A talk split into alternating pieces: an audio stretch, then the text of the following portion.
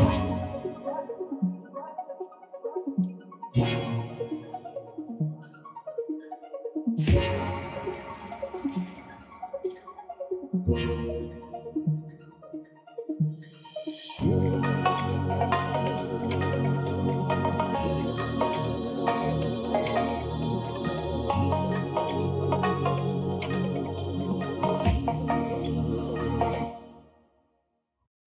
Hej och välkommen till Hotspot! Idag ska vi tala om politiseringen av svenska myndigheter. Vi har alltid sett de svenska myndigheterna som ett sakligt, effektivt och neutralt byråkratiskt maskineri som vi känt stor tillit till. Därför har Sverige varit ett av världens minst korrumperade länder, men en i överlag välfungerande samhällsservice. Men idag ser vi en accelererande politisering av de svenska myndigheterna. Tvärtom mot de ideal som tidigare har varit vägledande. Idag ska vi samtala med mina gäster om just detta fenomen och vad det kan komma att leda till där gamla robusta system blir försvagade och sårbara genom den politiska korruptionen och aktivismen. Mina gäster idag är Youtube-fenomenet Henrik Jönsson som presenterar sig själv som en oberoende libertariansk entreprenör och samhällsdebattör. Och Marcus Uvell, tidigare moderat politiker. Marcus har även jobbat som VD för Demoskop, Timbro och Kreab och jobbar just nu med Nordic Public Affairs. Välkommen att ta del av vårt intressanta samtal idag. Hej och välkomna till Hotspot, Henrik Jönsson och Marcus Uvell. Tack så mycket. Du har ju varit här tidigare, Henrik, och hedrats med din närvaro när du och Ivar Arpi var här. Just det. Talade om debatt och samtalsklimatet i Sverige och eh, förmynderiet i Sverige. Mm. Och du, Marcus, är en ny bekantskap för oss. Eh, däremot har din fru varit här, Rebecka, tillsammans med Johan Westerholm och vi talar om eh, slöseriet med allmänna medel. Och vi ska tala om det allmänna idag. Vi ska tala om politiseringen av eh, svenska myndigheter i detta hav av koppar som vi har här idag. eh, och eh, jag tänkte så här att vi har ett väldigt högt skattetryck i Sverige eh, där man tar av det allmänna och sen så distribueras tillbaka till eh, exempelvis civilsamhället. Eh, styrs via myndigheter i olika former av service. Men här finns det ett filter av politisering vi ser idag. Att man villkorar anslagen till civilsamhället. Man använder styrdokument för att idag likrikta vårt samhälle i en politiskt korrekt riktning. Ehm, I Kina så hade man en politisk ortodoxi, då handlade det till Sovjetunionen det som var då korrekt att tycka. Och man kanske ska dra riktigt så hårda paralleller, men det finns en liknande dragning idag. Vad, vad har ni för tankar kring detta? Att man styr upp politiskt egentligen organisationer, myndigheter som ska vara neutrala. Jag skulle vilja börja med att göra, liksom, e, etablera ett historiskt fundament för den här diskussionen. För att I de liksom, parlamentariska demokratierna så växer alltid byråkratin. Om man, man kan titta i hur det har sett ut i USA till exempel. Där har du haft en kontinuerlig tillväxt där administrationen hela tiden växer. Den skapar mer av sig själv, för det finns drivkrafter där inom att vi behöver fler instanser och folk vill undvika att bli utsatta för liksom ansvarsprövning och liknande. Så att till och med under Ronald Reagan administrationen som var liksom den, den, den, mest libertarianska, eller den som var mest benägen att vara small government, lyckades inte heller stoppa uh, den, den dämpade tillväxten ett litet, litet tag, men sen så växer det. Så att det här är liksom en, en tendens som verkar vara inbyggd i hur liksom, västerländska samhällen fungerar. Och det där kan man ju stöta och blöta, men, men anledningen till att jag säger detta är att jag tror att man måste ha som ingångssynpunkt att det finns nog ingen liksom aktiv illvilja inbyggt i det här, utan det, det är liksom ett, ett, ett, ett, system vad ska man säga, ett systemfel eller, eller en, en, form av vad vi i datorprogrammering skulle kalla det, det är som en minnesläcka, att mer och mer resurser går in i, i en viss sak. Och då för att återknyta till din fråga nu när vi etablerat den här ständiga tillväxten. Konsekvensen av det blir ju då att statsapparaten är benägen att suga åt sig mer och mer av medborgarnas pengar för att filtrera den genom sina egna organisationer. Och sen ska den då redistribueras eller på något sätt planeras så att det ska bli bättre. Och den grundläggande eh, liksom, frågeställningen här egentligen, ur ett frihetsfilosofiskt perspektiv, är ju mycket riktigt, Marco, som du är inne på. Det är ju att i samma stund som du överför finansiell makt från medborgarna till de här administrativa, byråkratiska strukturerna, så överför du också självbestämmanderätten från individ till stat. Och, och, Det finns det ju goda anledningar till att problematisera. Jag menar, i det här landet så lever vi ju i ett förhållande till staten där vi har haft många hundra år av relativt välvillig eh, statsbildning. Så att förtroendet för att statsmakten vill oss väl är ganska högt, vilket också gör att man är mycket benägen att, att, att göra eftergifter. Alltså att, att, att, ge upp personlig frihet för att staten istället ska kunna träda fram. I det säkerhetspolitiska läge vi befinner oss nu så, så tror jag att man nog behöver börja problematisera statens roll till medborgarnas frihet. Så att det, det hoppas jag vi kan diskutera lite grann här idag.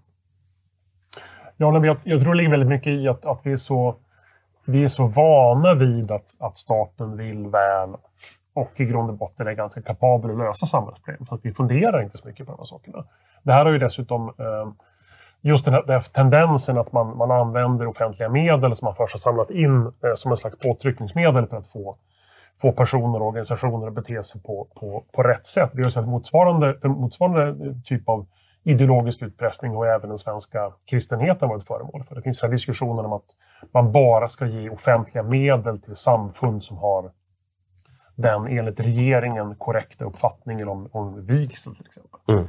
Att man använder det som en slags ideologisk utpressning mot, eh, mot religiösa samfund. Vilket är en, helt o, det är en helt oerhörd sak ur ett internationellt perspektiv. Men i Sverige så uppfattas det, ja nej men det, det är väl bra att alla följer samma värdegrund. Det finns inte ens någon... Och det kan man ju förstås tycka. Men, att, men det, det märker att det finns ingen diskussion kring, finns det något problem med det här? Att de, mm. Kan det vara så att, att det finns ett problem om, om Henrik har religiös föreställning som, som han kanske vill få respekterad? Och jag först, först tar hans pengar. Och säger att du kan få tillbaka 20 procent om du lovar att tycka som jag. Mm. Kan det finnas något problem med det kanske? Mm. Att, jag tror just att vi, att vi pratar så lite om det, det tycker jag är riktigt allvarligt. För det är ju så att det, är ju, det här är ett inbyggt, det, det är en inbyggd mekanism i hur politik fungerar. Mm. Precis som Henrik säger. Men vi, vi pratar för lite om det. Där, du är inne på ett jättebra spår där. Och det här är ju någonting som kanske i någon mån är en kulturell attityd som är lite unik för Sverige. För att menar, om du tar Amerika som ett exempel igen, där är man ju mycket mer benägen att problematisera vad staten gör. Liksom. Ni vet, när man är liten så här och ser på amerikansk film. Jag förstod aldrig varför de höll på att prata om the feds som någonting förfärligt hela tiden. Man tänker, ja men det är ju, det är ju deras polis. Nej, men det är ju att det, det, det, det är en överstatlig mm. rörelse som, då, som gör intrång på bekostnad av den lokala autonomin och det, och det gillar man inte. Så det, det, ett problem då som jag upplever i diskussionen med svenskar, det är att vi, vi kanske har liksom en, en det har vuxit fram en väldigt, väldigt um, kollektivistisk och konsensusbaserad kultur, vilket gör att man sällan upprätthåller sig på det principiella planet, utan alltid går in i en, en, moralisk definition av specifika sakfrågor. Så att istället för att säga att ja, men är det rätt att staten ska få, få diktera vilken typ av moralisk eh, förhållningssätt som man ska ha i den här frågan, eh, reduceras istället till att säga att ja, men är, är, du, är du emot abort? Är du, är du, är du knäpp? Så, nej, jag är inte emot abort. Jag är, jag är eventuellt så att jag vill upprätthålla mig på det principiella eh, planet där man frågar, ska staten vara den som dikterar i, i vilken riktning människor måste orientera sina etiska eh, ställningstaganden? Just det. Eh, vi, vi ser ju också en form av eh, social ekonomi i den bemärkelsen. I och med att man tar så mycket skatteuppbörd så det är svårt att finansiera verksamheten för kyrkor eller enskilda organisationer. Så det gör att man sitter ju också med en tumskruv här. Eh, eh, att Ska exempelvis eh, några ha språkcaféer eller något liknande i en kommun, så blir kommunen då som politiskt bestämmer vilka organisationer är godkända och vilka organisationer som inte är godkända det här skapar ju en otrolig likriktning i, i, eh, i våra samhällen. Ja, men vi kommer ju redan från en monokultur, det lutherska som har varit i 500 år innan det katolska. Eh, så det, det ligger kanske i väldigt mycket vår ryggmärg också i, i Sverige. Att, att ha den här konsensuskulturen, ha en monokultur. Och nu har den bara bytts. Jo, det, det som är nytt i sammanhanget, det är nog det, är nog det, här, det här aktivistiska sättet att se på att vissa, vissa värderingar är per definition de, de korrekta och de ska så att säga införas i samhället. Mm. Det, det, är inte nytt att Sverige är ett konsensussamhälle, utan mm. det, som säger, det, det, har vi varit i hundratals år. Mm. Och det kommer nog aldrig att ändras. Inom, definitivt inte, inte inom vår livstid. Eh, men men det, det som är nytt är ju att det uppfattas som det uppfattas som mer acceptabelt att använda politiska anslagsbeslut, myndighet, eh, regleringsbrev till myndigheter etc.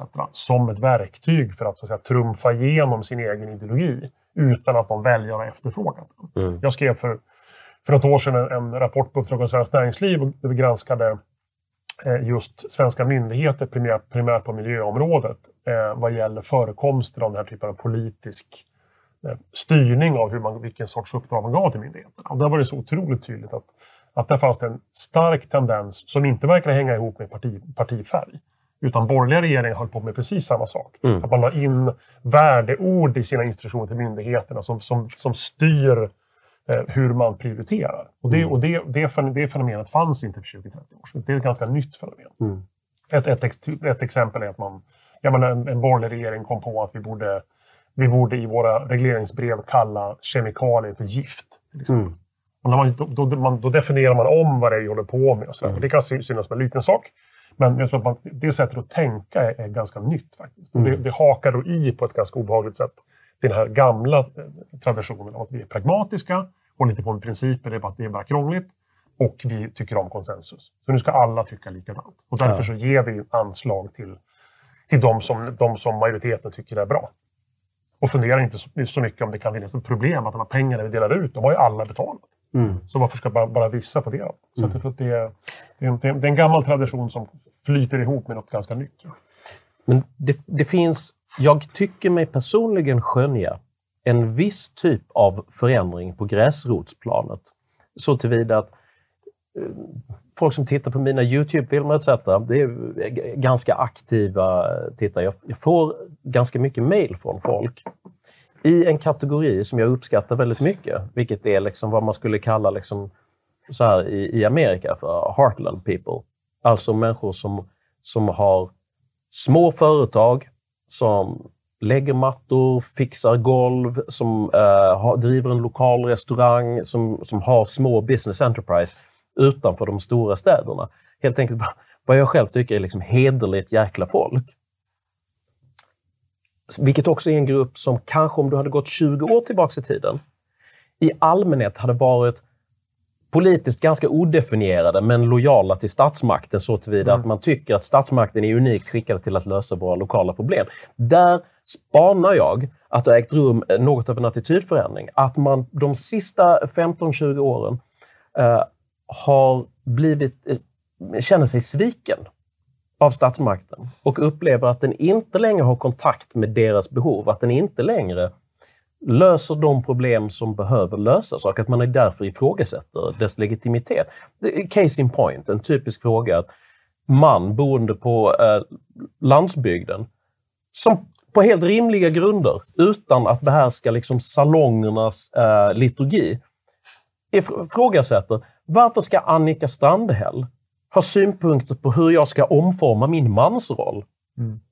Och det här är ju en frihetsfilosofisk eh, liksom, argumentation som är helt rimlig om vad politiken har för roll i ditt privatliv. Jag, jag vill personligen inte, jag vill varken ha staten i mitt sovrum eller i mitt styrelserum. Men, men som du är inne på Marcus, där finns det ju en polarisering då, där du har liksom en, en, en lite ny attityd hos vissa gräsrötter, medan du har utvecklat en tendens inom den offentliga byråkratin som så att säga är mer normativ, alltså moraliskt normativ nu. Mm. Traditionellt, och det här kan vi ju diskutera historiskt, men traditionellt så har ju den svenska byråkratin betraktats som en av de bästa i hela världen där tjänstemännen har varit neutrala utförare av politiska beslut. Men det finns mycket, många exempel på där den neutraliteten på olika sätt har upphävts och man istället blivit eh, ideologiserad och i viss mån politiserad. Och, och, och, det är en ganska allvarlig utveckling, för de här två polerna står ju emot varandra. Mm. Håller ni med om, om den spaningen? Ja. Jo, nej, nej, men jag, tror, jag tror att det är precis det som har hänt. Att det, mm. Premissen för, för att ha en så stor statsmakt och ha så, eh, så mäktiga myndigheter i Sverige, det är att de förhåller sig neutralt till medborgarna i värderingsfrågor. För annars, så blir, annars så får vi i praktiken någon slags repressiv situation där staten ska, ska påtvinga människor massa saker. Mm. Det som har hänt är ju att, att man har börjat tumma på de här principerna. Och, och ägnar sig mer och mer åt sånt som är, som är normativa uppfattningar av hur människor, hur, hur människor borde leva. Och där ser man även i man kan se i väljaropinionen att, att väljare som, som röstar på, eh, på partier till vänster, inklusive Centerpartiet, tycker att det är en legitim uppgift för politiken att tala om för medborgarna hur de ska leva sina liv. Väljare till höger tycker inte det. Så det är liksom en, en jättetydlig ideologisk klyfta. Och den senare gruppen högerväljare, där tycker man se precis den typen av reaktioner som, som du beskriver. Mm. Man tycker att det har gått för långt. Politiken har haft för, för mycket synpunkter på saker som det inte har med att göra och kanske ännu mer på att politiken ägnar sig åt sånt som är irrelevanta symbolfrågor istället för att lösa verkliga samhällsproblem. Mm. De flesta väljare tycker att, att politiken borde, borde ägna sig åt att lösa praktiska problem i människors vardag. Det finns en ganska liten efterfrågan på att politiken ska berätta för människor hur man ska bete sig i sitt privatliv. Det finns mm. grupper som tycker det, men de flesta, majoriteten tycker inte det. Så att man, man, har, man, har, man har brutit mot det här underförstådda kontraktet mellan staten och väljarna och börjat ha synpunkter på saker som man som man inte har med att göra. Men då det här och, och, och, därför så är det många som nu känner att det här, jag köper inte det här. Ni, ni har gått över gränsen. Ni har inte med det här att göra. Och det är det som skapar populistiska opinioner och det som skapar vad jag tror över tiden fallande, fallande förtroende för offentliga Sverige. Än så länge så har ju svenska folket mycket, mycket högt förtroende för offentliga. Mm. Med några få undantag. Men jag tror att över tid så, så man lever väldigt farligt. Man, man måste respektera gränserna. Tror jag. Alltså, du, du, skriver ju förtjänstfullt om det här i din bok Bakslaget som kom ut för det var en av de första intervjuerna jag gjorde på min YouTube-kanal med dig om, om, din bok. Så vad är det? Fyra, fyra, fem år sedan kanske den kom? Eh, ja, precis. Ja. Fyra år sedan. Eh, men, men jag menar, tesen som du driver den är att ungefär 30 procent av svenska folket eh, är liksom kulturkonservativa. Och är inte med på eh, tåget vad det gäller normerande, progressiv, vänsterlutande moral. Och, och då uppstår det en, en, en klyfta däremellan helt enkelt som eh, inte blir bra när den kommer från, i, i kraft av att den är uppbackad av våldsmonopolets eh, förvaltning, så att säga. Och ett, ett av de tydligast, tydligaste exemplen på det här, som jag, som jag gärna vill kasta in i den här diskussionen, det är ju i förra valrörelsen, precis, precis i slutet av valrörelsen, så såg det ut som att det kanske skulle kunna bli en borgerlig regering med stöd av Sverigedemokraterna. Då gjorde man ju alltså inom utrikesdepartementet ett, eh, cirkulerade ett upprop internt som fick, ett, nu minns jag inte, 261, 261 eller någonstans ja. där i krokarna, underskrifter då, där man helt enkelt dryftade på vilket sätt man skulle kunna trycka tillbaks och försvara sin egen värdegrund mot en regering som man då mm. betraktade som illegitim. Och Det är nästan obegripligt att det där inte blev en större diskussion runt det här. För det är ju ytterst... Det är ju som att du har någon slags cancer. Om delar av samhällskroppen plötsligt gör uppror och säger mm. vi följer inte hjärnans nya idéer. underkänner vi. Liksom, Henriks vänsterarm har nu liksom, en egen värdegrund på något sätt. Så, så att eh, om, om något är liksom, så kan sammanfatta den här sjukan så tycker jag att det är ett bra exempel. Mm, mm. Eh, men som ni nämner här så, så lever man på ett gammalt förtroende av att man är neutral och effektiv och så vidare. Eh, och Vi har ju inte kvar religionens kraft på samma sätt som är normerande. Är det här ett uttryck för, egentligen för ett kulturkrig? Man, man, vill, man vill ändra alla normerna eh, från vänstersidan. Men att i längden kommer det här inte att hålla när du kanske inte har 30% eller mer som till slut slutar ha förtroende. Att det är självkorrigerande till slut också. Därför att du har inte med dig hela befolkningen helt enkelt. Jag, jag, jag tror tyvärr att, att, att utsikterna för... Det, det, det, är ju, det är en gammal diskussion där om, om kommer det att hända positiva eller negativa saker om det uppstår fundamentala kriser i samhället. Jag är på laget som tror att det i huvudsak kommer hända negativa saker. Jag tror att, att det som händer när man bryter ner förtroendet för offentliga institutioner i ett demokratiskt land, i en diktatur kan det vara annorlunda, i ett demokratiskt land, det är att jag tror det är otroligt svårt att, svårt att laga. Att, vad är det klassiska citatet? Vad är det Václav Havel? Det är lättare att göra fisksoppa av ett akvarium än ett akvarium av fisksoppa. Man kan liksom inte backa utvecklingen. I USA till exempel så är förtroendenivåerna är på, har varit länge, långt före Trump, på alarmerande låga nivåer.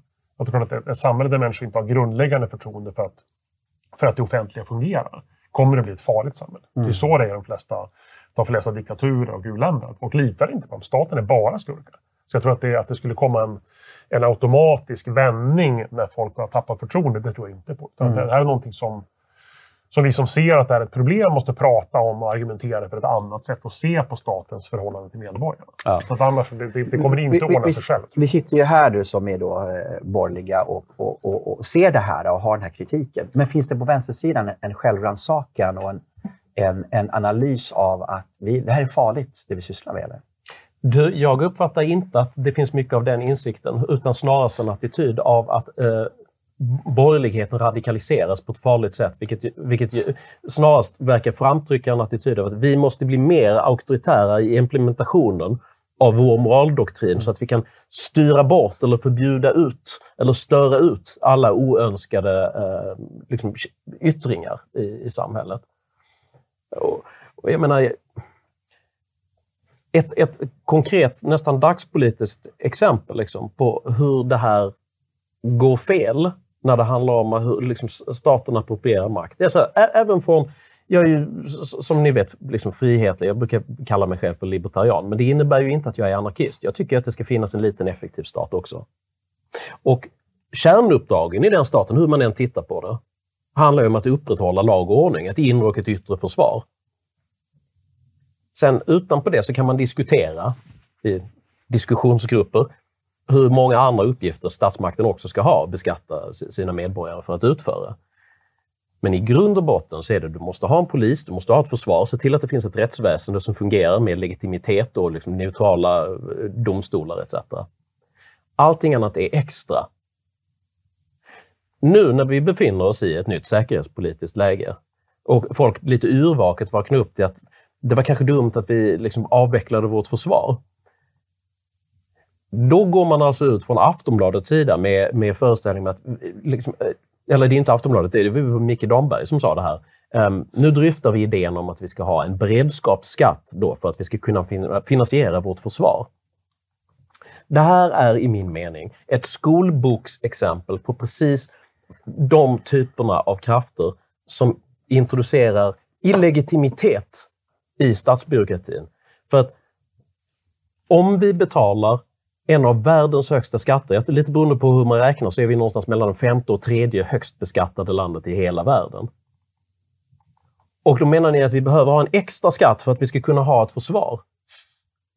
Ja, men det är klart att den här personen som sitter och är irriterad över att Annika Strandhäll har synpunkter på hur han ska utveckla sin mansroll eller vad han ska ha i sin grill, tycker att det här är en orimlig ordning. Det här är en ordning som inte speglar ett, ett folkligt mandat. Utan där du istället har skapat ett kotteri av väldigt progressiva människor som vill försöka med social ingenjörskonst ändra hur människor är. Och det du är inne på här, Marco, det, det, det, du, du fr- frågar om det finns någon självkritik. Nej, jag tror inte det finns någon självkritik. Jag tror det bara finns en stor oro över att, att, att, att allt fler människor verkar tycka allt mer fel från deras perspektiv. Och att man då tar fram rottingen och så vi måste styra upp det här ändå hårdare. De blir ännu mer radikaliserade och ännu mer förtryckande och lom, lomhörda egentligen då, eller? Ja, alltså, jag skulle inte använda de orden, men jag uppfattar att de vänsterkrafter som, som företräder då en slags social ingenjörkonst och, och, och en normerande moral genom förvaltningens institutioner, de uppfattar att detta är ytterst viktigt för att demokratin är hotad om vår moraliska doktrin ifrågasätts. Men det finns igen ingen liksom, självkritik på det principiella planet. Alltså, men vad för slags vad för slags demokrati är vi om vi, om vi ska styra folkets tankar och uh, moraluppfattningar? Så att där tycker jag att vi på högerflanken har gjort ett för dåligt jobb och vi behöver faktiskt strama upp oss med lite eget självförtroende och bemöta de här sakerna och, och problematisera. Så det är okej okay att ni på vänstersidan tycker de här sakerna, men ni måste också förstå att vårt perspektiv, att man kan även tycka på ett annat sätt utan att vara demokratins fiende, vilket hela tiden är tankefiguren som, som, som de presenterar.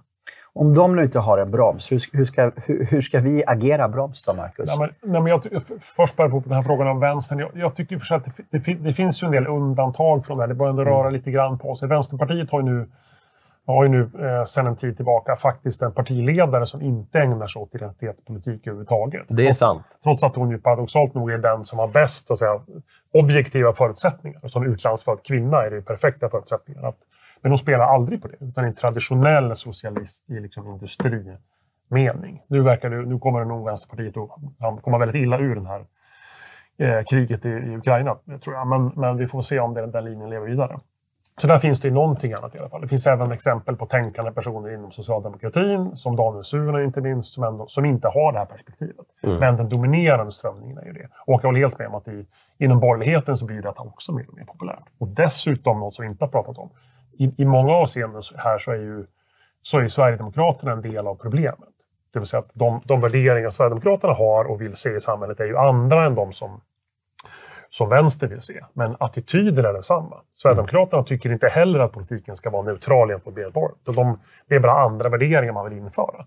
Man vill ha en kulturpolitik som ser till att det görs film som bygger på sunda nationalistiska idéer och den typen av, av, av saker. Man, vill, eh, man diskuterar, borde man kanske förbjuda eh, spelandet av gangsterrap i public service? Mm. Man har precis samma instinkt, fast andra värderingar. Och det, där tror jag, och det, det tror jag man har pratat alldeles för lite om. Och det tror jag att om det nu blir ett, ett regeringsskifte till en borgerlig regering med stöd av Sverigedemokraterna, då kommer det att vara en... Det, det, är, nog, det är kanske den viktigaste ideologiska klyftan mellan de här två de här två lägren. Du... man måste bestämma sig för, har man, tror man att, att, tycker man att staten ska vara neutral gentemot medborgarnas värderingar, tycker man inte det. Det här knyter ju precis an, för du är inne på någonting som är mycket intressant där och jag undrar faktiskt ärligt varför detta inte heller är någonting som diskuteras mer. För det här knyter an till precis det här som jag sa inledningsvis, om att folk är inte benägna att upprätthålla sig på det principiella planet, utan går alltid in i enskilda sakfrågor och värderar dem moraliskt. Om vi tar den principiella eh, frågan, om vi tar jag är kritisk till public service till exempel. det har inte gjort någon hemlighet av heller. Den principiella frågan är ju då, är det rimligt att, äh, att, att, staten ska finansiera ett väldigt, väldigt stort mediaimperium som, som egentligen tiltar hela mediemarknaden? Det är det, det, den principiella frågan där. Och man kan ha argument, goda argument både för och emot en sådan ordning. Men Istället så har du en situation där folk eh, väljer att kritisera innehållet i public service-kanaler. Det är vänstervridet, det borde vara mer höger istället. Ja, men den principiella frågan gäller, ska vi ha det här överhuvudtaget? För att eliminera det så att du har en friare marknad så kan du ha många olika aktörer och sen så har du marknadspluralism som resultat istället. Ingen tar den frågan, utan istället så är det alltid en fråga om att Själva värderingarna är fel, vi ska fylla dem med våra egna värderingar istället. En metafor som jag använder i den frågan ibland, det är som att om du tar just liksom, liksom skattefinansierad media, pressstödsmedia, public service etc. Om det är ett medialt vapen som är riktat mot folkets huvud, så är det så att på det principiella planet så vill jag ifrågasätta om man ska ha vapnet. Alla andra är bara intresserade av att vara den som håller i det. Och då spelar det ingen roll rent principiellt. Även om jag är mer konservativ själv, så blir jag inte gladare för att du har en konservativ person som håller i vapnet än om du har en socialist. För att problemet är inte innehållet. Det jag har problem med det är att människor försöker trycka ner saker i min hals. Sen spelar det inte så stor roll om det är den svenska flaggan eller om det är tofu-burgare. Eh, om, om ni förstår min analogi. Men är vi kapabla att diskutera principfrågor? För att det är nästan alltid sakfrågorna vi samtalar om och som du säger, att när de går till vår fördel, då hejar vi på dem och så plötsligt som en svängdörr, den slår tillbaka då i nästa fråga. Har vi det tänkandet i Sverige att vi kan tala principfrågor? För vi pratar ju jämt sakfrågor egentligen. Alltså jag, jag, tror att ett, ett, stort problem, eller en, en förutsättning för att kunna ha en principiell diskussion, det är ju att man, det är att man kan se verkligheten som den är på något sätt. Man vet ju att om man till exempel undersöker um, Eh, när man undersöker politiska attityder bland journalister så finns det en övervägande vänstersympati. Men de personer som, som gör vänsterlutande eh, journalistik, de uppfattar ju genuint att detta är den objektiva, sakliga beskrivningen. Mm. Därför att, för att vi, vi uppfattar genuint att det är objektivt sakligt att säga att eh, det är ett problem att många svenskar vill ha mindre invandring. Det uppfattas så att man, man, man, man, på något sätt att man har köpt in att, att, det, att det ska vara ett visst värderingspaket från början. Mm. För att kunna prata principer måste, då måste man ju backa och säga, men vänta, hur ska vi, hur ska vi egentligen se på det här? Man kan, man kan inte låta vissa, vissa en, den ena sidan så att säga, värderingar vara, definiera vad som är neutralt. Utan, och det, där, det där är ett generellt problem i Sverige. Vi, vi tror att, att de värderingar som präglar de, den, de partier som styr är de, de objektivt sanna värderingarna. Mm. Därför behöver vi inte ifrågasätta dem. Och det var därför så, och det hände något intressant då när, när in i det här klimatet så träder vårt parti som, som Sverigedemokraterna som då är aktivistiska och vill styra kulturen och politiken på samma sätt som vänstern, typ, men har helt andra värderingar. Då påminns vänsterpersoner men vänta nu, det här var inte det vi var ute efter. Plötsligt ser man vänsterdebattörer som säger att nej, men jag är för en, en objektiv, neutral public service. Och då inser, inser de att vänta nu, vad, vad händer om, om vi låter politiken styra för att värderingar blir annorlunda? Nu plötsligt är det armslängds ja, avstånd. Plötsligt, plötsligt så är det jättefarligt. Mm, jag tror mm. att en, en, en, optimistisk tolkning av det, det är väl att det här kommer påminna personer om att vi, mm. den, den, modellen är, är, farlig. För den bygger på att man, man, man låter de som bestämmer, att man lägger ett otroligt ansvar på de som, som styr och ställer i landet. Mm. Ett ansvar som de uppenbarligen inte kan ta. Och därför så att då måste man, då måste man backa. För, för den tredje positionen i din public service-beskrivning med vapnen, det är ju förstås att den som är den ursprungliga. Vi kan och bör ha public service-medier i, no i någon form, men vi måste reglera dem så att de verkligen är sakligt, sakligt och neutrala. Mm. Det är inte lätt, det är sannolikt möjligt. Men, men det, är ju, det, det, är ju, det är ju egentligen det som är tanken med public service. Mm. Men den tanken är, det är ju den helt försvunnen. Utan istället så diskuterar man vem som ska bestämma innehållet. Mm. Är det Jimmy Åkesson eller är det Morgan Johansson? Mm. Det är den debatten vi har. Och sen finns det några få som ställer sig på barrikaderna och vill lägga ner hela skiten. Men, men det är som att vi har glömt bort, vi har glömt bort möjligheten att faktiskt ha neutrala saker. Att det mm. uppfattas som lite gammaldags och töntigt. Alltså, för att återgå till din fråga, Marco, om huruvida vi är kap liksom kapabla i Sverige att, att föra diskussioner på det principiella planet, så vill jag väl lägga in två stycken eh, kommentarer. Och det ena det är att när jag problematiserar just den här typen av saker, att jag är, jag är lika kritisk mot att du har etatistiska, normerande eh, ideal oavsett om de torgför socialistiska eller konservativa budskap. Då får jag alltid ett par hundra mejl av folk som säger ja, jag brukar alltid lyssna på dig och hålla med dig, alltså, men nu, nu har du verkligen spårat ur här. Alltså.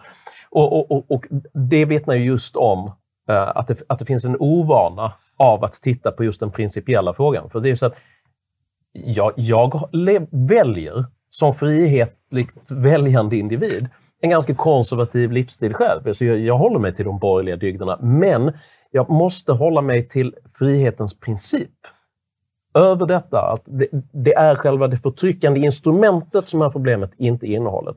Så att ett tankeexperiment som jag ibland försöker ge när jag är ute och föreläser och sådär på, på, i, i de här frågorna, det är ju att oavsett var du står politiskt, föreställ dig vad din värsta politiska fiende skulle göra med de befogenheter som du vill avhända medborgarna och istället ge till staten. Och sen så kan man pröva det där, för om, om du då har någon som är väldigt, väldigt långt ut till, till, till, till vänster som tycker staten ska ha väldigt mycket makt för det är väldigt, väldigt bra. Så att, ja, okej, då byter vi så, så att den som har alla de här befogenheterna, nu är det Jimmy Åkesson som har dem. Uh, och, och, det är ju lite grann det du var inne på. Men jag, jag, jag, tror att man kan försöka bidra till att framfostra en benägenhet att göra den tankevändningen. Jag, jag, tror att det är viktigt för hela det svenska samtalet. Mm. Och, och, att... och, och, kanske blir det lättare när, när konsensus lite grann bryts sönder. Att då mm. känner man att då frågorna ställs på nytt om, mm. om hur skulle det vara om, om instrumenten kontrolleras av helt andra personer. Mm. Ja. Det, eh, förhoppningsvis finns det något positivt där.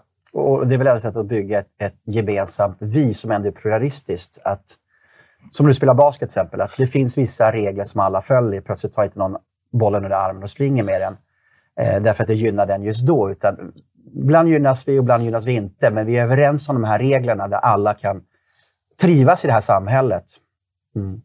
Eh, jag tänkte, om vi går tillbaks från lite nu metadebatten, eller metasamtalet, till ganska konkreta saker, så nämnde du, Henrik, för mig att Ida Karkiainen, som är eh, civilminister, eh, har kommit med ett förslag eh, och det är att bara idéburna organisationer ska få anslag. Och därmed kommer man också kunna värdegrundscertifiera de i civilsamhället som kommer att kunna få pengar och därmed också bedriva verksamhet. Eh, kan du berätta lite mer om det? Det var första gången jag hörde när vi pratade på telefon, du och jag, Henrik. Ja, alltså det här är del av en, av en större palett saker som egentligen beskriver precis det som Marcus ah, har, har redogjort för. Och det är eh, helt enkelt en, en, ideologisering av hela förvaltningen som man uppfattar att de här värdena är så viktiga så att därför är det naturligt av godo att hela statsapparaten med våldsmonopolet i ryggen ska, ska eh, förstärka och, och, och framfostra de här värdena. Um, för att det här förslaget som, som Karkiainen har lagt fram, att, att, man, att man ska ha just värderingsburna eh, idéer, ja, det, det, innebär ju att man gör alltså en kvalificering av vad som ska få pengar. Och Den här attityden speglas i många delar av förvaltningen just nu. Eh, ett annat exempel är när Myndigheten för press, radio och TV till exempel, för eh, jag tror det är lite mer än ett år sedan nu, också introducerade ett kvalitetsrekvisit för att man, hur, hur pressstöd ska betalas ut.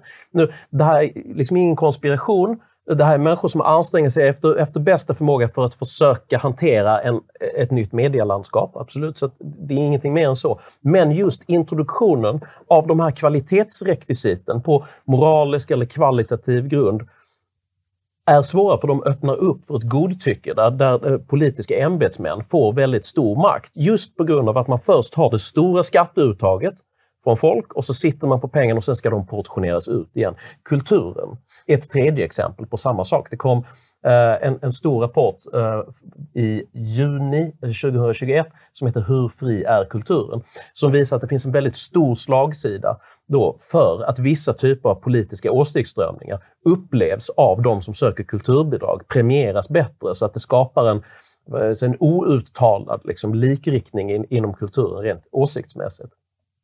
Och det här blir ju då konsekvensen av att vi i det svenska systemet konsekvent väljer det mycket höga skatteuttaget för att sedan kunna portionera ut pengar igen. Då, filtre, då, då, då kan du hamna i den här typen av åsiktsmässig filtrering. Istället för att kanske bara säga att Nej, men vet du vad, vi, vi, vi, vi skattebefriar kultursektorn. Då hade man lika att säga, vi tar inte in de pengarna alls. Gör du någonting med kultur så har inga arbetsgivaravgifter första två åren. Eller momsbefria. Eller säg, du betalar inte skatt på kulturproduktion enligt eh, olika typer av rekvisit. Så kan man också göra. Men se, det är inte så intressant. För att man vill ha de här styrspakarna. Att göra skatteintaget och sedan portionera ut. Det här speglades även under covid-pandemin. När företagssektorn på många sätt eh, kämpade under restriktionerna med öppettider på restauranger och annat. Ja, då hade man samma sak. Eh, vi, vi tar ändå in, vi beskattar de här företagen lika mycket som förut, men sen kan de söka stöd, för då kan vi portionera ut det på ett sätt som vi finner rimligt. Det hade mycket väl gått. Det finns ingenting som hade stoppat att man hade gått tillbaka och sagt, nej men vet du vad? Vi ska hjälpa företagen, absolut men på ett subtraktivt sätt. Vi säger så här att ni får tillbaka allting som ni betalade in i skatt förra året. Mm. Då blir det helt rättvist för att det är i proportion till vad verksamheten gjorde för resultat. Men se, det vill man inte, utan alltid, vi ska få in så mycket först för att då sitter vi på makten och kan avgöra var det sedan hamnar någonstans. Jag uppfattar att det här är en ganska farlig utveckling när vi står i den här typen av liksom moralisk ideologisk polarisering som vi gör nu. Att avståndet mellan de här gräsrötterna jag pratade om och de här progressiva idealen blir, alltså det blir spetsigare. Mm. mm. Eh, nu har vi talat om styrdokument, hur man politiserar och genomsyrar eh, det man finansierar, eh, både civilsamhället och, och myndigheter. Eh, det kom en rapport på, i, på Timbro av Adam Danieli om eh, enpartistaten, hur man använder utnämningsmakten till att tillsätta partilojala, framförallt från Socialdemokraterna, myndighetschefer. Eh, och Det här kan man ju se också som ett sätt att om man förlorar den parlamentariska makten så kan man förlänga den in i myndigheterna, som liksom, en liten stay behind nästan. Eh, vad, vad, har du för idéer kring det, Marcus? Du har ju jobbat också på Timbro och är insatt i de här Nej, men, mekanismerna. Ja, det där är väl en, det är en klassisk diskussion om hur man som um, hur man vid ett regeringsskifte eh, ska förhålla sig till det där. Och där finns det ju, den ena skolan säger ju att om det blir ett regeringsskifte, då måste man se till att, att, att skaffa sig en rimlig utnämningspolitik där man tillsätter personer bara utifrån kompetens och inte utifrån partibok. Um, och i den utsträckning det är möjligt, um, det förhindras ju av lagstiftningen, att avveckla personer som uppenbart är politiska kommissarier i första hand. Den andra skolan säger att nu är det äntligen vår tur. Nu ska vi tillsätta vårt folk, ut med alla deras människor, in med all, våra människor överallt. Och jag, jag tror att den, min egen uppfattning är att den första skolan är mycket, mycket bättre. Mm. Om, om ens ideal är att staten ska vara neutral så måste man själv hantera staten. Och det, är vår, det är ju vår tradition också. Men ja. vad, hur blir det om vi gör det? Men då kommer de att göra som de alltid gör. Som ja, goda liberaler tycker vi, vi ska vara neutrala. Och sen så när motståndarna bara sätter in sina skurkar. Ja, ja nej, men det, det, ibland är det otacksamt att ha rätt. Man får fortsätta att nöta. Det, det är så det funkar. Nej, men jag tror att det där är... Och hur det kommer att bli, det vet jag inte. Men, men, men, men generellt så tycker jag att det är man ser en mer aktivistisk, eh, i de här avseendena aktivistisk tradition i borgerligheten som jag tycker är, som jag tycker är oroväckande. Man, mm. man blir mer, man verkar mindre bekymrad över att vara styrande över hur människor ska ska bete sig. Så jag hoppas att det inte kommer att påverka den extremt viktiga frågan. De andra gör så, så måste vi också göra det. Ja, jag tycker det, är, det är någon slags glidning där man, man tar ett, ett helt, en helt annat område, den här diskussionen om... Vi har i Sverige en, en helt bisarr diskussion om om slöjor. Där det uppfattas som att man, när borgerliga partier vill utreda huruvida man ska, man ska förbjuda eh, att ha slöja i skolan. Vilket ju är, är ett problem för exakt ingen person eh, i sig. Om någon, om någon förtrycks och tvingas ha slöja så är det förstås ett problem. Men det, det, är ju redan inte, det är redan otillåtet att göra på det sättet. Och, och det argument man använder är att ja, det här är en symbol för patriarkala värderingar. Mm. Då använder borgerliga personer på riktigt argument att det här är en symbol för patriarkala värderingar. Och oavsett hur det är i den frågan i sig så är det ju helt ointressant. Att något är en symbol för någonting. Om, om Henriks slips var en symbol för, för osund... För, för toxisk, ja. vad heter det? toxisk maskulinitet. Ja. Det kanske är så, men det spelar väl ingen roll. Det är väl inget argument för att förbjuda honom att slips. Så det finns ett, ett och jag tror att det, det, det, speglar inte i första hand hur man, hur man ser på, på islam, utan man, man, det blir mer och mer så att även borgerliga företrädare tycker att det faktum att jag ogillar någonting är ett tillräckligt argument för att förbjuda det. Mm. Och det, det tror jag är otroligt allvarligt. Och det, I den riktningen är vi på väg. Mm. Och jag hoppas att det inte kommer att påverka grundläggande saker om hur staten ska organisera. För då är vi verkligen illa. Mm. Om vi skulle få ett läge där, där, där respektive regering gör allt man kan för att politisera politiken åt sitt håll. Mm. Det tror jag vore en mycket, mycket olycklig utveckling. Mm. Samtidigt, du kan ju titta på och det, det här liksom redovisade jag i en, eh, en av mina videokrönikor för ett par veckor sedan. I, när det gällde då till exempel eh, den ideologiskt motiverade utfasningen av kärnkraft så förankrades detta rent argumentationsmässigt genom att man såg till att byta ut eh, styrelseledamöter i Vattenfalls styrelse tills man fick en majoritet som helt mm. enkelt var beredda att köpa in sig på det perspektivet att att, att, att där, vi kan, där vi kan beskriva kärnkraften som olönsam om vi ställer upp vissa typer av rekvisit för, uh, för hur man uppfattar lönsamhet. Eh, och i samma stund som man kunde få det utlåtandet ifrån Vattenfall så kunde man sedan på politisk kommunikativ front liksom gå fram väldigt brett och säga att det är marknaden som avvecklar det här, vi har ingenting med det att göra. Och, och, och det där är ren lögn. Alltså det, det finns till och med en poddintervju där den här miljöpartistiska tjejen som drev det här berättar att det var så man gjorde, man var tvungen att byta ut dem. Och konstaterar i samma intervju, ja, man ska ju egentligen inte liksom gå in med politisk styrning i styrelser, men det var bra och riktigt att det här hände. För att, igen, inte principfrågan, utan själva det ideologiska innehållet överordnas hela tiden. Så att jag, jag vill helt, om vi nu ska hålla oss på det principiella planet, så är jag helt med dig, Marcus.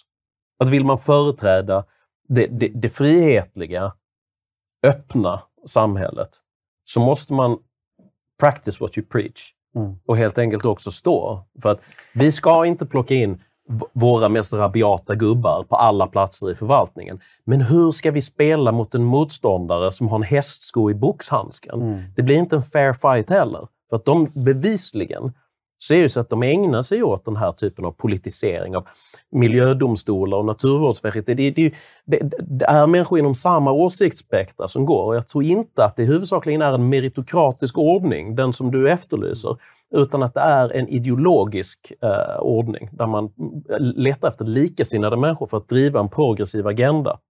Hur länge kan vi vara principiella när verkligheten ser ut som den gör?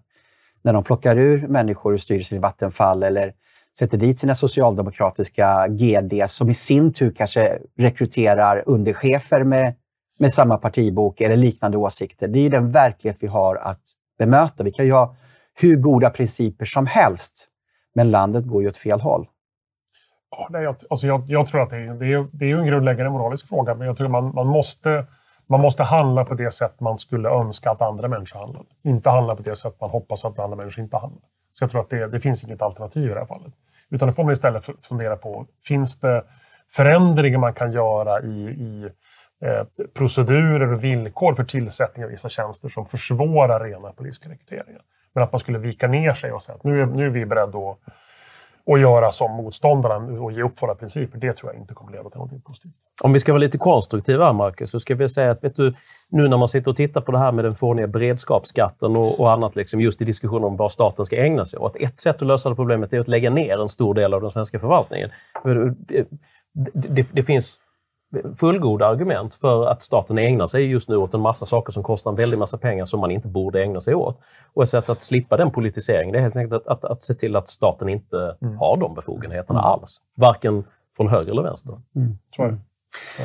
Eh, du, Marcus, har ju talat också om myndigheter som driver eh, lobbyverksamhet och opinionsbildning för sin egen sak. Kan, kan du nämna lite grann om det? Nej, men man kan se över tid hur det blir vanligare och vanligare för svenska myndigheter att, att dels så får man uppdrag från, från politiken som går ut på att man ska, man ska bilda opinion för vad som är ett ideologiskt perspektiv på området. Det är väldigt vanligt på miljöområdet. Man ger myndigheterna upp, i uppdrag att, att, eh, att uppmärksamma betydelsen av olika politiska eh, idéer. Och det, och det, det, det sker ju ofta ganska, eh, det sker ofta ganska obemärkt, för det görs i, i regleringsbrevet till myndigheterna, vilket inte brukar vara några kioskvältare. Och det upp, men framförallt tror jag att det uppfattas kulturellt ganska, ganska naturligt. För att det är klart att de allra flesta tjänstemän på en statlig miljömyndighet, eh, många av dem ser förstås sin uppgift som att driva på omställningen av samhället i miljömässig riktning. Det är deras personliga övertygelse. Så för dem är det inget konstigt. Men man måste se på det, återigen tillbaka till principen, man måste se på det riktigt strikt principiellt. Är det verkligen en rimlig idé att man tar medborgarnas pengar, ger dem till myndigheter som ska förklara för medborgarna vad som är rätt och fel. Mm. Och det, det, är något helt annat än det myndigheternas uppgift, uppgift är. Så jag tror det finns en... Det, det, det, är ett kulturellt problem och det är ett, och det är ett politiskt problem. Och där tror jag att det är... Där ställer man återigen...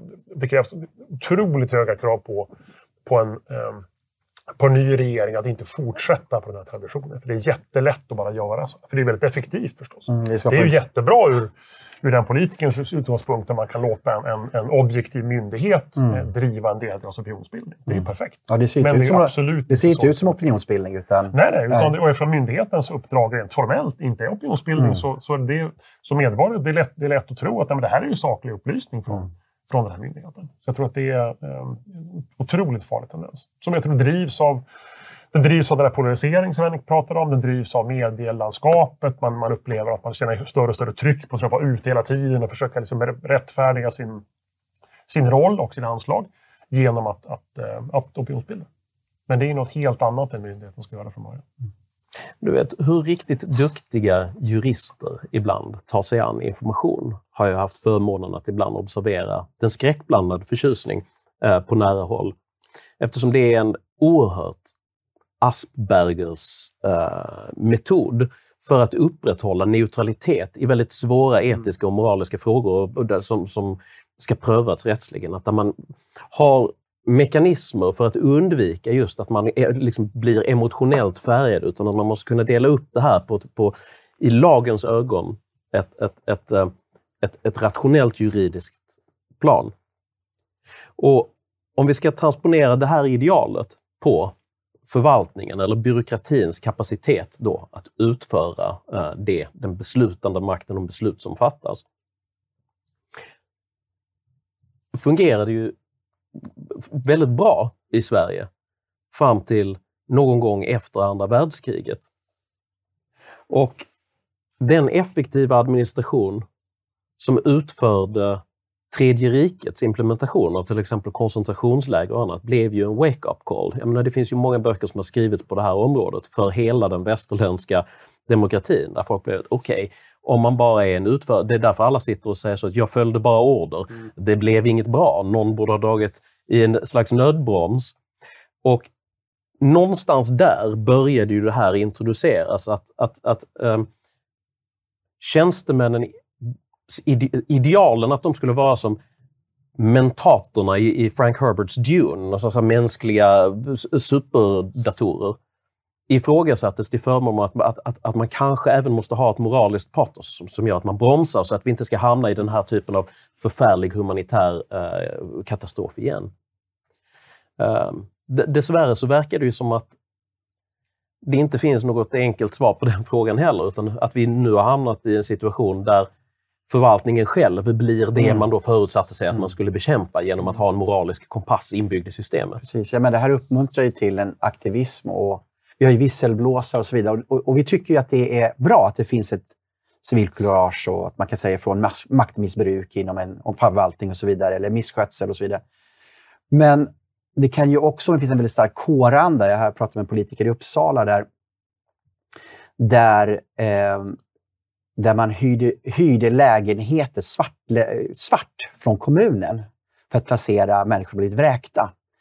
Eh, och när det kom upp då, då fattade ju från höger till vänster alla beslut. Vi ska göra, vi ska göra en, en eh, utredning kring det här, för det här kan inte förekomma att vi betalar överpriser på, på lägenheterna.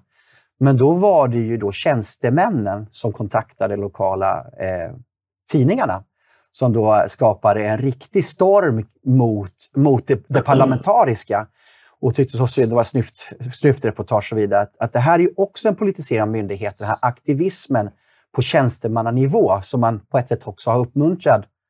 Rätt eller fel, men, men, men det blir ett resultat av det. Ja, alltså jag återgår ju till min, jag låter som en trasig skivspelare. Mm. Staten bör göra mycket mindre. Då mm. undviker man en stor del av de här problemen. Eh, och är det någonting som jag konkret skulle vilja liksom säga till borgerligheten så är det så att vi behöver utveckla en tydligare borgerlig kultur med självförtroende för att återuppbygga ett civilsamhälle som gör att grannar pratar med varandra och litar på varandra. Att det finns en, eh, en ömsesidighet, en mellanmänsklighet som, som är organisk istället för att använda Försäkringskassan som medlare för att alla sitter hemma och känner att jag betalar så jäkla mycket skatt så att jag behöver inte bry mig om människor i min närhet. Ligger det någon på, på trottoaren så, så, så tittar folk och tänker att det kommer, någon har väl ansvar för det här. Mm. Eh, vilket är ett, i mina ögon ett svagare samhälle, ett mindre mänskligt samhälle. Faktiskt inte ett samhälle som jag vill leva i. Jag gillar inte blanketter, jag gillar människor. Mm. Uh, du institutionaliserar omsorgen. Så kanske man skulle kunna ja. säga. Alltså jag, jag menar väl egentligen i grund och botten att man fråntar människor kapaciteten att vara moraliska varelser om du flyttar så mycket av deras egna beslutsmakt till ett statligt plan att de inte längre känner att de har ett ansvar för varandra. Mm. Ehm, och det är ju ett sätt att komma runt problematiken med hur man ska hantera liksom, vilket ideologiskt innehåll olika delar av byråkratin får. Mm. Genom att helt enkelt inte ha den eh, byråkratin. Jag tänkte avslutningsvis bara ställa en fråga här också. Ehm, vi har ju institutioner som formar människors världsbild, eh, exempelvis då public service, eh, men även utbildningsväsendet, universiteten, gymnasien, grundskolan, förskola. Ehm, det här kanske inte är några direkta direktiv som kommer från någon, men det finns en tidsanda idag som vi har talat om med vissa progressiva idéer.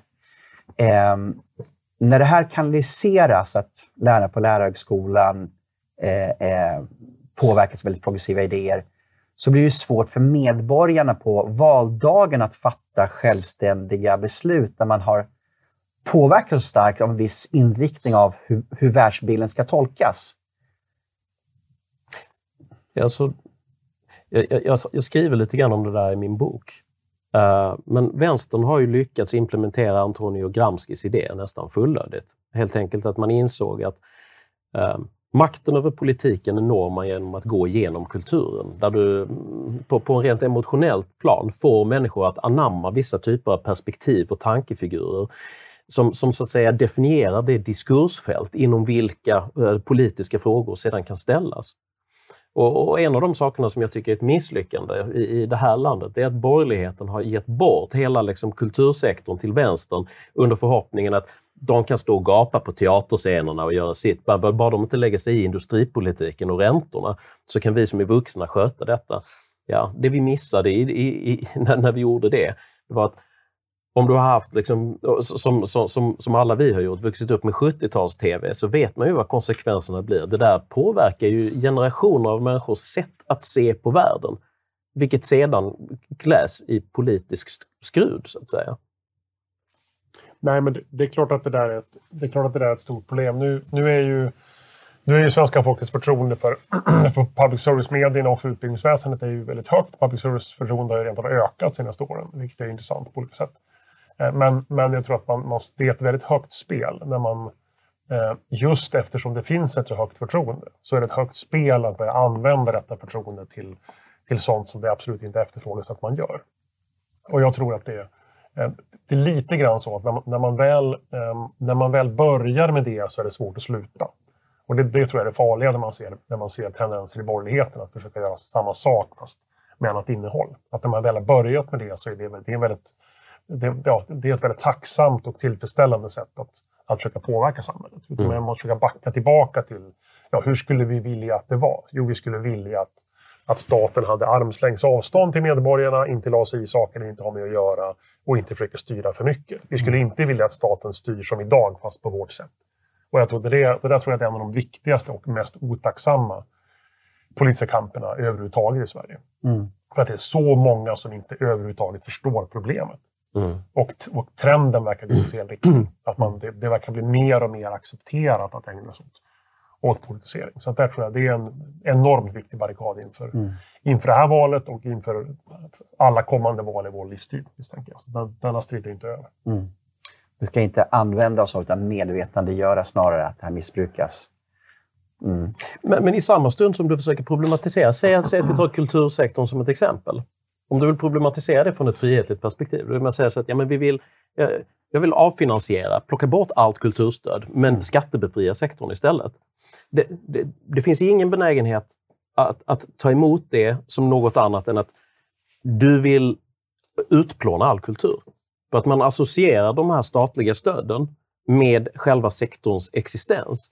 Och underkänner där, jag menar det är inte som att jazzen uppfanns på en ABF-kurs eller för att någon fyllt i en blankett och ansökt om stöd. Jag menar, vi har 6000 år av liksom kulturellt skapande utan de här sista tre generationerna som har haft en kulturpolitik av, av modernt snitt. Och, och där måste liksom kunskapsläget höjas eftersom så många svenskar likställer existensen av någonting med dess stat, statliga finansiering. Mm. Mm.